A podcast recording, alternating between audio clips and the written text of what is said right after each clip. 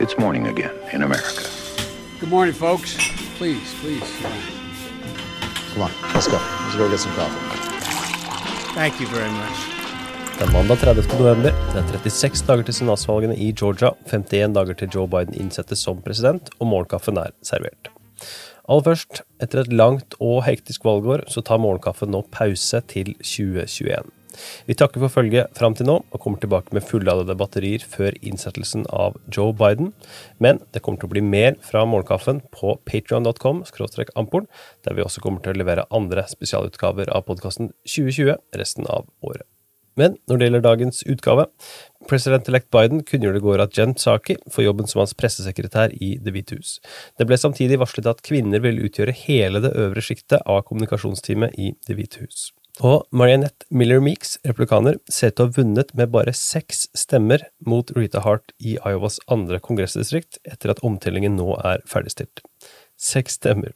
Og kilder hevder overfor Times of London at Joe Biden vurderer å utnevne Cindy McCain som ambassadør til Storbritannia. McCain er enken etter avdøde senator John McCain, og er aktiv i en rekke veldedige organisasjoner. De siste årene har hun vært spesielt synlig i arbeid mot trafficking. Dagens første sak. Donald Trumps stygge skilsmisse fra Fox News fortsetter, men søndag ettermiddag norsk tid gjorde han likevel et telefonintervju med Maria Bartiromo live på Fox.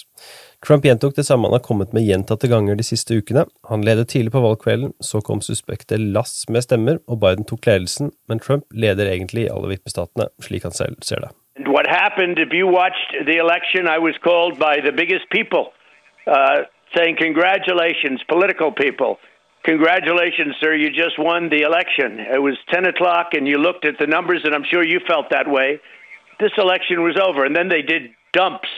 They call them dumps, big, massive dumps uh, in Michigan and Pennsylvania and uh, uh, all over. Uh, if you, if you Han gjentok en rekke påstander som hans eget juridiske team i retten har innrømmet at ikke stemmer, blant annet at republikanske valgobservatører ble kastet ut av stemmelokalene i vippestater. Og han avsluttet med å si at hans eget valgnederlag var statistisk umulig. They say it's statistically impossible.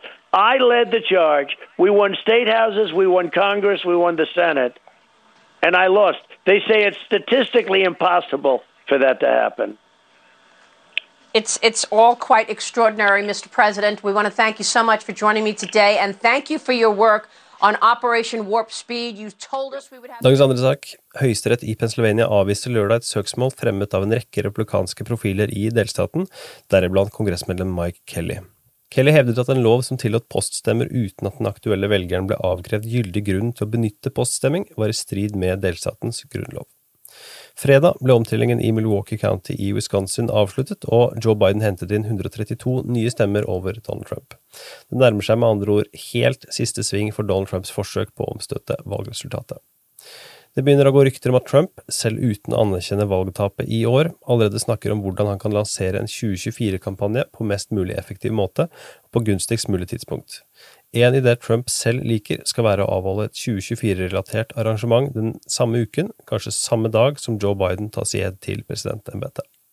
Michael Flynn ga i helgen sitt første intervju etter at Trump benådet ham i forrige uke. Den tidligere sikkerhetsrådgiveren er domfelt for å ha løyet til FBI, og benådningen er en av Trumps mest kontroversielle så langt. Flynn sa at han ikke er i tvil om at Trump har vunnet valget med svært god margin, og at det er Trump som til syvende og sist kommer til å tas i ed den 20. januar. Dagens tredje og siste sak.